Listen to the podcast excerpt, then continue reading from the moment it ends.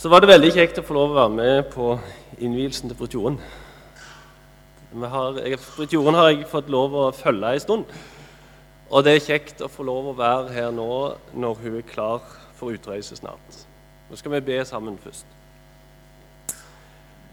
Takk for at det er sant at ditt navn, Jesus, det blekner aldri. Og takk, Jesus, at du er her nå, midt iblant oss. Det har du lovt i ditt eget ord. Og vi ber, Herre, at du nå taler til oss ved din ånd. At du leder oss, og at du eh, åpner ordet ditt for oss. Takk for at vi får lov å samles fritt om ditt ord, Herre. Og takk for at du har gitt oss ditt ord. Amen.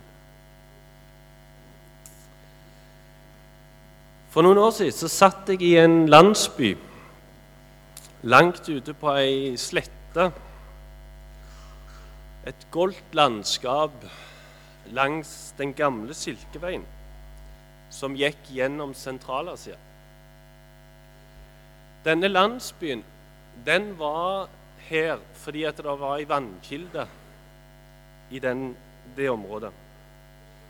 Denne kilda hadde vært et stoppested for alle de som reiste fra Europa og over til Kina og Asia når de reiste langs den gamle Silkeveien så stoppet de der og hadde en pause. Nå hadde kilda vært tørr de siste 20 åra, men landsbyen lå der fortsatt. Byen var fattig. Folket bodde i noen jordhytter. De hadde som sagt lite vann, for kildene hadde vært tørre i 20 år. Og det var egentlig lite som grodde i det området. Jeg var blitt invitert hjem til en bonde på middag denne kvelden. Han hadde et enkelt jordhus med to rom, og så hadde han en familie på sju. Når vi kom, så viste han en fantastisk gjestfrihet, en fantastisk kjærlighet. De hadde dekt et langbord i hele det ene rommet. Og på det langbordet så var det ikke en ledig plass til noen ting. Det var frukt, det var nøtter, det var masse forskjellige ting. Snop og alt mulig som de hadde satt ut. Og det var bare forretten før vi skulle få komme til middag.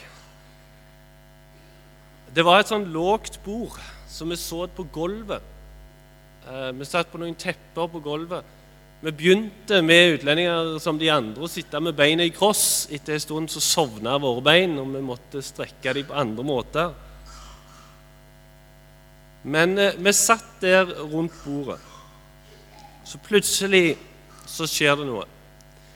Den ene lyspæra som var i dette rommet, den gikk svart.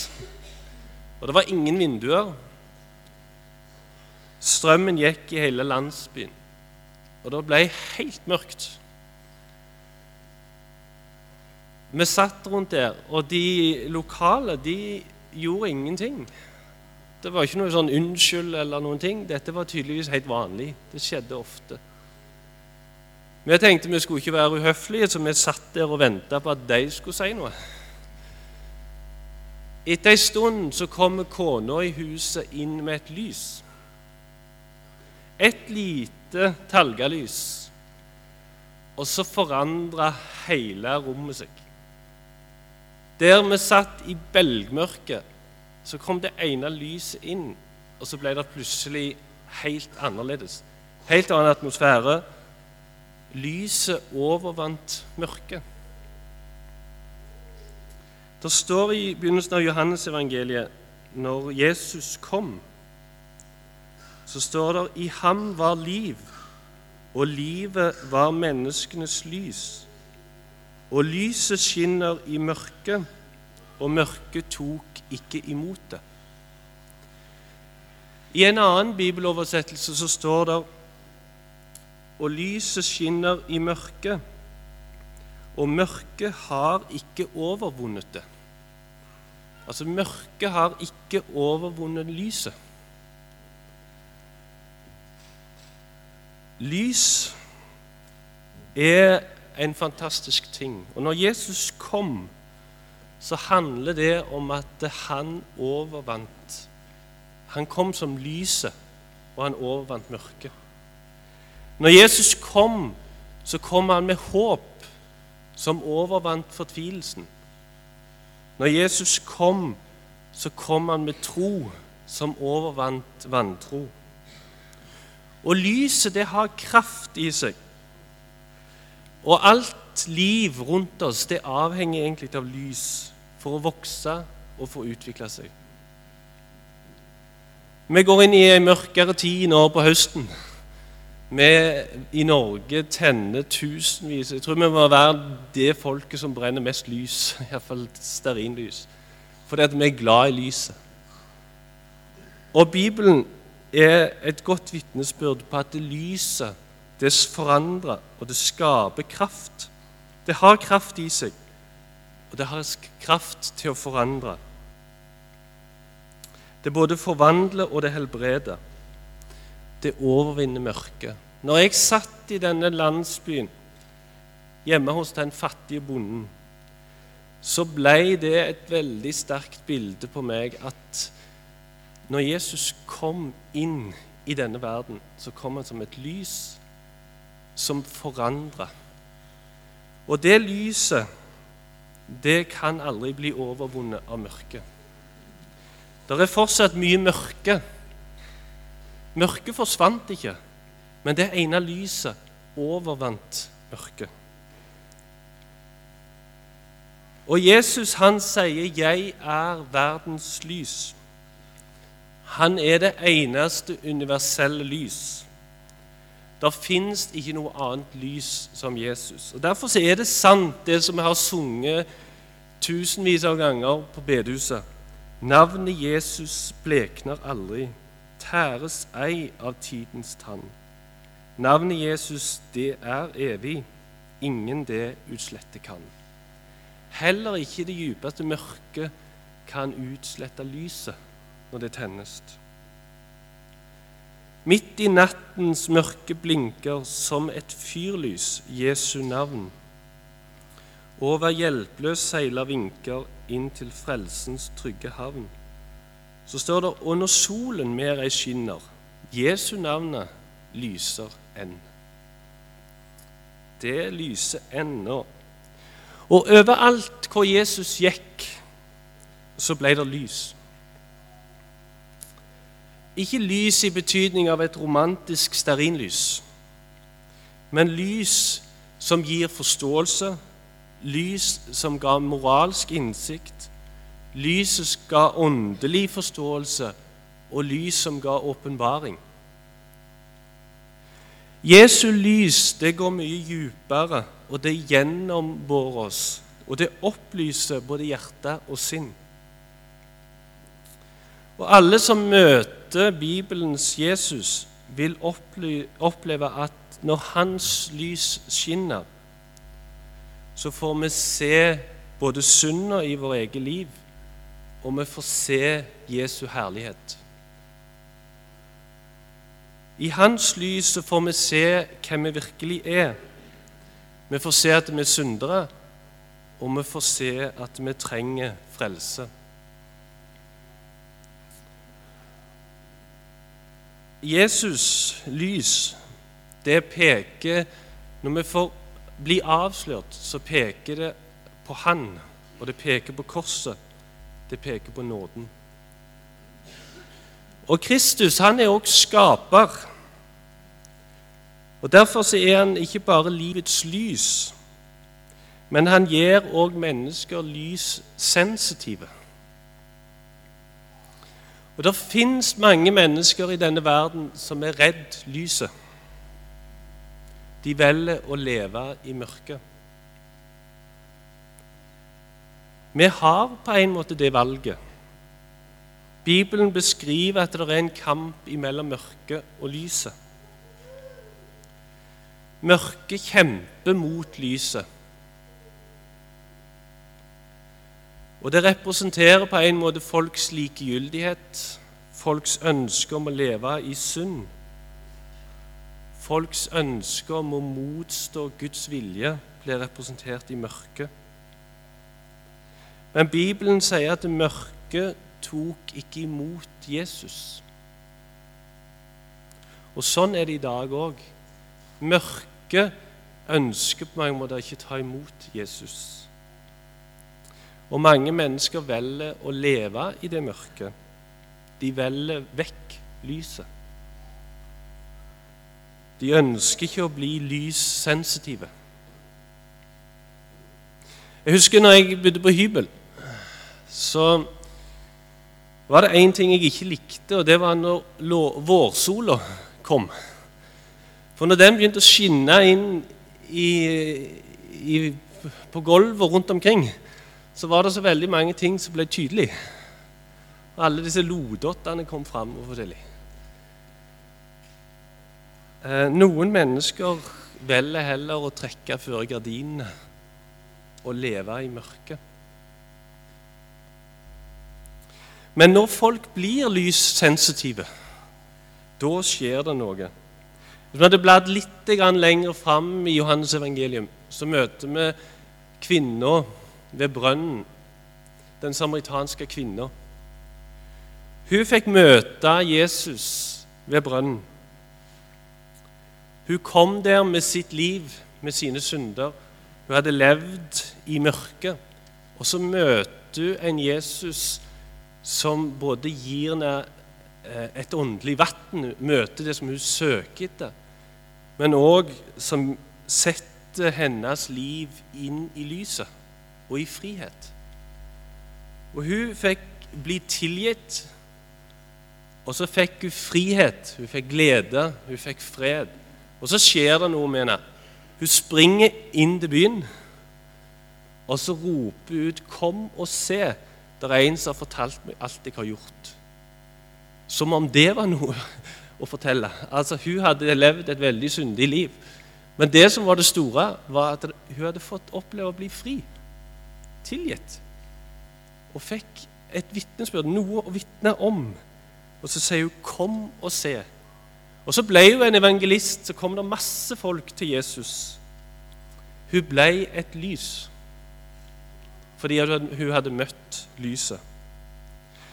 Og Det er det neste jeg har lyst til å lese litt fra Matteusevangeliet. For i Matteusevangeliet i kapittel 5 så møter vi Jesus der han taler til disiplene. Eh, I, midt i, i bergpreika, i kapittel 5 til kapittel 7, så har Jesus noen ord som taler til oss i dag òg. Jesus snakker om Guds rike. Han snakker om at Guds rike er annerledes. Han snakker om at det er andre prinsipper i Guds rike. Det er forskjellig. De kristne skal være annerledes enn de ikke-kristne. Og så sier han til disiplene dere er jordens salt, men om saltet mister sin kraft, hva skal det da saltes med? Det duger ikke lenger til noe uten å kastes ut og tråkkes ned av menneskene. Dere er verdens lys. En by som ligger på et fjell, kan ikke skjules. Heller ikke tenner noen et lys og setter det under en kjeppe, men i lysestaken. Da lyser det for, for, for alle som er i huset.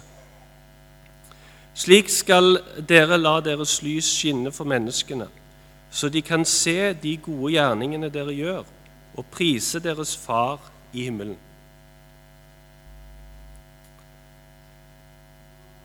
Jesus sier på en måte her at eh, litt forenklet at vi har to oppdrag, to kall. Vi har et kristent sosialt ansvar og vi har et ansvar til å evangelisere og til å forkynne. Han, han sier 'dere er verdens eh, Dere er jordens salt. Dere er verdens lys. Det er på en måte, Her snakker Jesus til disiplene, han snakker til kristne. Eh, det er ikke et valg de kan ta om de vil være salt eller ikke salt. Men de er det. Og så er det et spørsmål hvordan er de salt? Hvordan er de lys? Salt er godt eh, Eller salt er ikke noe godt, for det kan ikke brukes til noen ting dersom det mister sin kraft eller sin salthet. Og lyset er heller ikke godt hvis det blir skjult. Saltet sin funksjon, hvis vi er på en måte negativt Det skal forhindre forråtnelse. Vi kan også si at saltet setter smak. Det gjør det. Men det har en negativ funksjon. Det er å forhindre forråtnelse. Og det å, for oss kristne så er det en oppgave at vi skal påtale verdens forfall og forråtnelse. Det moralske forfallet i verden.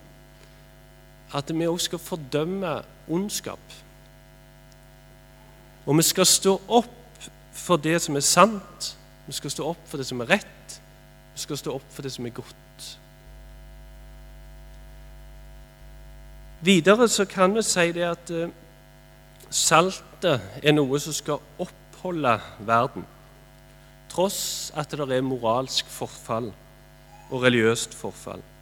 Hvis vi ser i Gamle testamentet, så ser vi at det er en del plasser så er det historier om at uh, riker sto opp og så begynte de å forfalle. Og så var det gjerne én rettferdig igjen, eller det var ti rettferdige igjen. Det var noen rettferdige igjen der som det var forfall. Og en kristen disippel Vi skal gå inn i forbønn for mennesker og for verden. Da er vi òg jordens salt. Vi skal be for verden, vi skal be for landet vårt, vi skal be for bygda vår, vi skal be for folk rundt oss. Da er vi òg jordens salt. Paulus sier, 'Brødre, mitt hjertes lyst og min bønn til Gud for dem er at de må bli frelst.' Paulus hadde ei inderlig bønn om at jødefolket òg skulle bli frelst. I dagen i går så jeg det sto noen artikler om mors bønn. Jeg har sett litt av um, kraften av mors bønn, og kanskje kraften av bestemors bønn, når vi bodde i Kina. I Kina så var det uh, vekst i kirkene fram til 49. Så tok kommunismen over. Og så vet dere det at kulturrevolusjonen kom på 60-tallet og varte til 76. I den tida ble alle kirker stengt. Mange prester ble fengsla. Det var stor motstand. Det som vi ser i dag, er på en måte at de bestemødrene som ba midt i dette forfallet de var trofaste, de ba for sine. De ba for, eh, først for barna sine, og så ba de for barnebarn. Og Jeg har møtt mange mennesker i Kina som sier det at eh, jeg har kommet til tro fordi at bestemor, hun ba. Bestemor hun viste oss Hun var et godt menneske, sier de. Hun ba. Hun hadde kjærlighet for oss. Hun ville ta oss med til kirka hvis det var mulig. Hun fortalte oss om Jesus, og så ba hun for oss. Og så lenge etterpå, en generasjon etterpå, så ser vi at en rettferdig menneskes bønn blir hørt. Og at eh, hun på den måten fikk lov å være et salt. Jeg leste òg en tredje ting om saltet før vi skal si litt mer om lyset. Eh, John Stott skriver i en bok som omtaler dette avsnittet. Nødvendigheten eh, av at det sanne kristne vitnesbyrd er både skarpt og bitende. Altså Det er nødvendig at det sanne kristne vitnesbyrd er både skarpt og bitende. Og Så siterer han en som heter Helmut Tillike. når man ser på enkelte kristne, skulle man tro at deres mål var å være verdens honningkrukke. De søter og sukrer livets bitterhet med en altfor enkel tale om en kjærlig Gud. Jesus sa ikke 'dere er verdens honning'. Han sa 'dere er verdens salt'. Saltet svir, og det uforfalskede budskap om Guds dom og frelse har alltid svidd. Sterke ord, men jeg tror det er ord som er aktuelle i vårt samfunn. Om at eh, et sant bibelsk budskap vil svi, og det vil avsløre. Samtidig så sier Bibelen mer. Og Når Bibelen sier at 'dere er verdens lys', så er det òg budskapet om evangeliet. Lyset har òg i seg, som du nevnte, både til å avsløre, men til å opplyse og til å varme.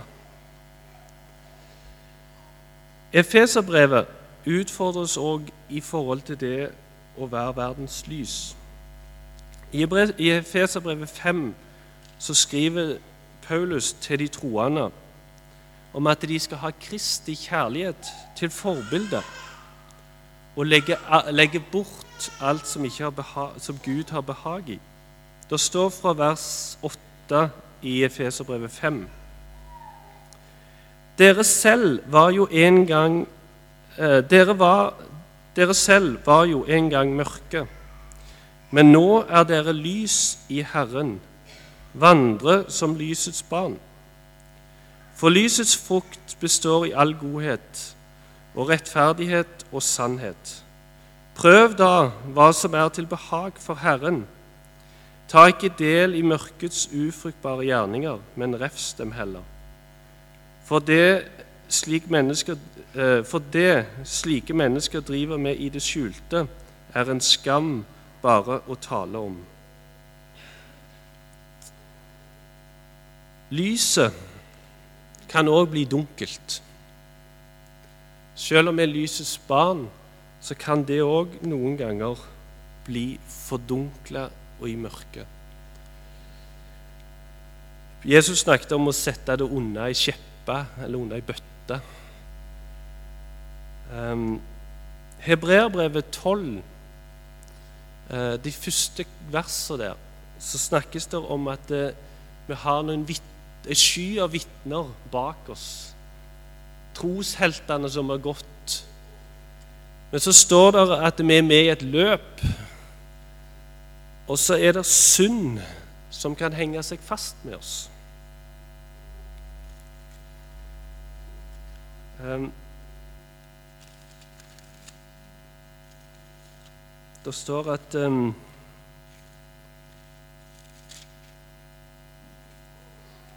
Så la oss derfor da vi har så stor en sky av vitner omkring oss, legge av alt som tynger, og synden som henger så fast ved oss. Dette kan være med å hindre oss i å skinne. At vi har ting som tynger oss, vi har synd som henger fast ved oss. Men så står det å løpe med tålmodighet i den kamp vi har foran oss med blikket festet på Jesus, han som er troens opphavsmann og fullender. Så kan det være uoppgjorte ting som tar fra oss en frimodighet. Men så sier Bibelen her at vi skal få løfte blikket på Jesus. Han som er troens opphavsmann og fullender. Og så skal vi der få lov til å erfare det at selv om at vi har mislykkes, selv om vi blir avslørt, så er der mulighet å komme, få nåde, få tilgivelse. Og så er det òg noe at når vi får komme og leve nært hos Jesus, så vil vi òg reflektere hans lys. Og Jesus han har gjort det sånn at han vil at vi som hans barn skal reflektere hans lys. Når vi bodde i Kina, så husker jeg jeg snakket med ei som var min språklærer. Hun var ikke en kristen, hun er fortsatt ikke en troende. Men vi snakket en gang om hva er den beste måten for oss utlendinger å fortelle om evangeliet, eller fortelle om Jesus, og være et vitne på i Kina. Og Da husker jeg hun sa det er ikke hva dere sier, men det er hvordan dere lever. Det er ikke hva dere sier, men hvordan dere lever. Jeg hadde studert kinesisk i halvt år. og Det var på mange måter et evangelium for å høre det at om jeg ikke greide å si så mye, så kunne jeg fortsatt få være et vitnesbyrd. Jeg tror det er litt forenkla. Jeg tror det betyr noe hva vi sier òg. Men fra ei ikke-kristen å høre det at det betyr noe hvordan vi lever. Det var en kristenbroder som jeg møtte for noen uker siden. En kineser han sa alltid til oss utlendinger så sier han, Vær tålmodige. Folk observerer alt dere sier og gjør. Men det er Gud som gir vekst. Godt råd. Folk observerer alt vi sier og gjør. Men det er Gud som gir vekst. Og når Jesus sa 'dere er' jordens salt, dere er verdens lys, så er det på mange måter ikke noe vi skal prestere, men det er noe vi er. Det er å være vitner og være medmennesker. Efeserbrevet 10 eh, Eller Efeserbrevet 2, mener jeg. Efeserbrevet har ikke ti kapittel. Efeserbrevet 2, vers 8, kjenner vi godt. For av nåde er dere frelst. Og det er viktig at vi hele veien får lov å leve i det. Og Så kommer vi til vers 10. Så står det at vi er skapt i Kristus Jesus til gode gjerninger som Han forut har lagt ferdige for at vi skal få vandre inn i dem. Og Der ligger det òg et utrolig evangelium i. At Gud, den allmektige, store Gud, han har skapt oss, han vil at vi skal være lys, han vil vi skal være salt. Og så sier han at han legger gjerninger foran oss som vi skal få vandre inn i. Noen ganger så får vi se det.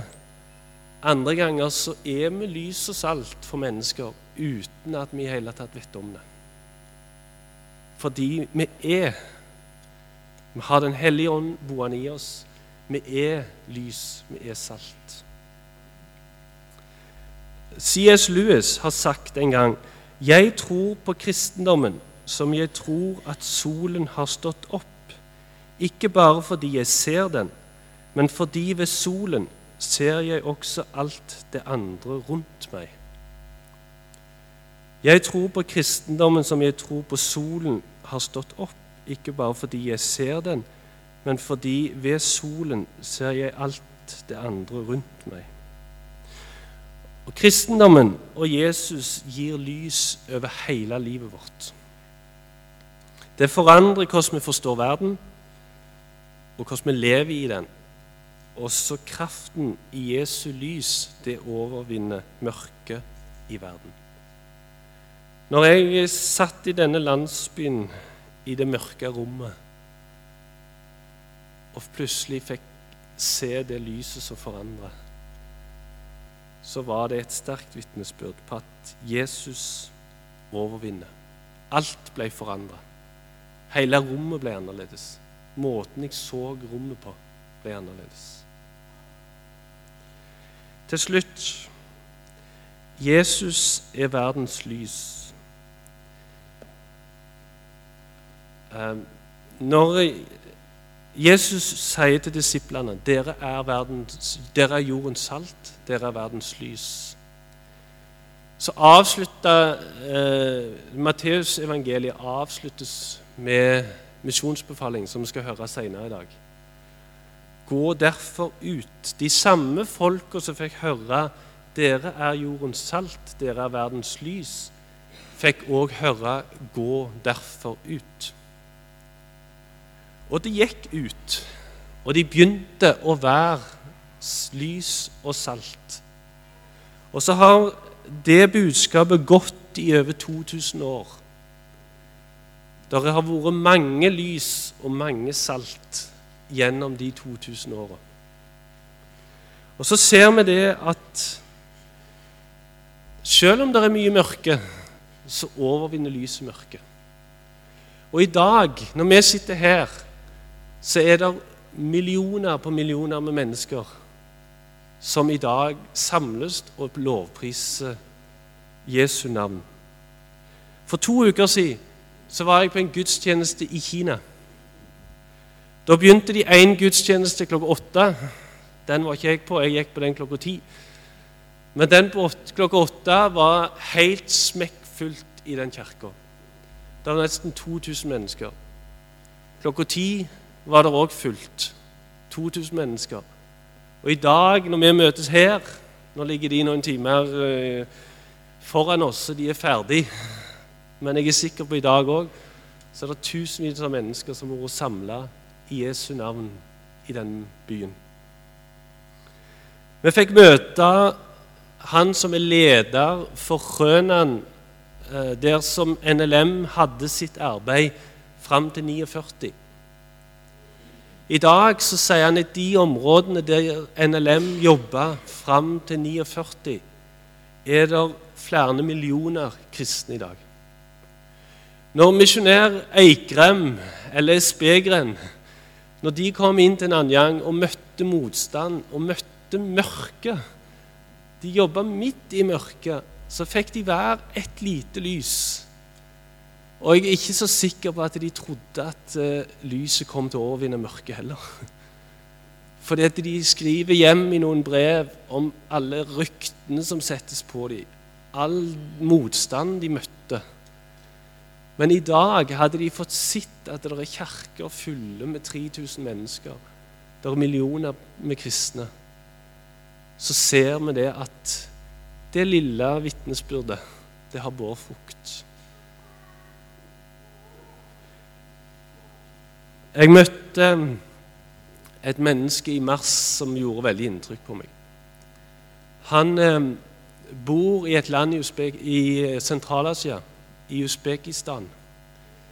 Et land som har veldig mye forfølgelse, mye undertrykkelse. Han vokste opp i en muslimsk familie. Alle rundt han var muslimer. Og så var det ei søskenbarn av han som reiste inn til byen og begynte å studere engelsk. Og så møtte hun en kristen lærer, en amerikaner som underviste engelsk på universitetet der. Og Så fortalte denne amerikaneren denne kvinna om Jesus, og så ble hun en kristen.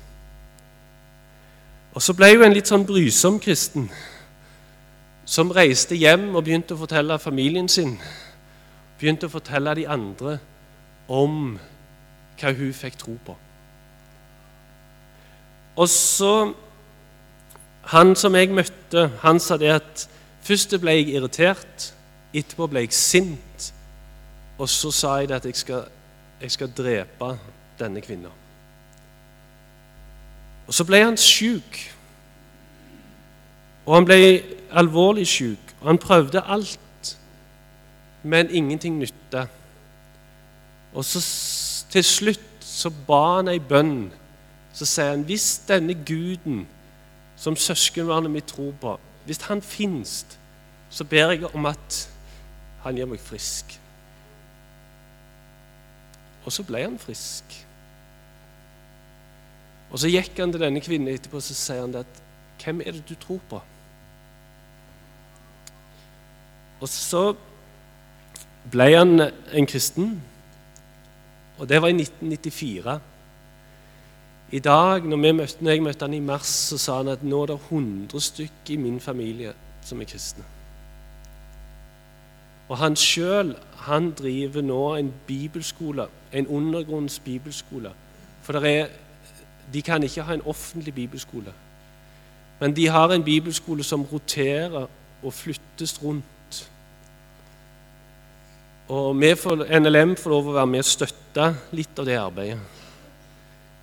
Men for meg så er han en, en oppmuntring om at når lyset begynner å skinne, så forandres samfunn, så forandres familier, så forandres liv. Samtidig er han òg en utfordring overfor meg på å være lys og salt òg når det er vanskelig. Men så er det sånn òg at eh, evangeliet går fram. Samtidig er det mange områder som ennå ikke reiser inn i et av de områdene. Um, det er fortsatt over to milliarder mennesker som har fått se Jesus som verdens lys, ikke har fått hørt budskapet om evangeliet. Og disse ønsker vi å være med og nå og få lov å peke på Jesus. Så trenger vi flere misjonærer. Vi er veldig glad at Bridjoren reiser nå. Vi trenger fortsatt flere folk. Eh, Vær med og be om at Gud vil fortsette å sende oss misjonærer som kan reise ut. Så har jeg lyst til å avslutte med å si det at eh, hvis det er noen her som ikke har fått sett Jesus som sitt lys, som sin frelser, så ønsker Jesus i dag òg å forandre liv. Det er ikke bare i Kina, men han ønsker det her. Han ønsker at mennesker skal få oppleve det at Jesus setter fri, han tilgir. Så skal vi be. Ja, kjære Jesus, takk for at du er verdens lys, og takk for at du kom inn i denne verden. Og takk for at mørket aldri kan overvinne deg, Herre. Takk for at ditt navn det skal skinne til evig tid. Og en dag, Herre, så skal alle måtte bøye kne og bekjenne og si du er Herre. Du er verdens frelser. Og Herre, vi ber om at alle som er her, får lov til å bekjenne deg som din frelser. Og Herre, vi ber om at vi som misjonsorganisasjon kan få være med og være lys og salt peke på deg, sånn at flere mennesker kan få oppleve det at du setter fri, at du gir fred, og at du forandrer liv, Herre. Vi ber for Britt Jorunn, vi ber om at du nå er nær hos henne. Gi henne Fyll henne med din fred, Herre. Og la hun få oppleve det at du går foran henne.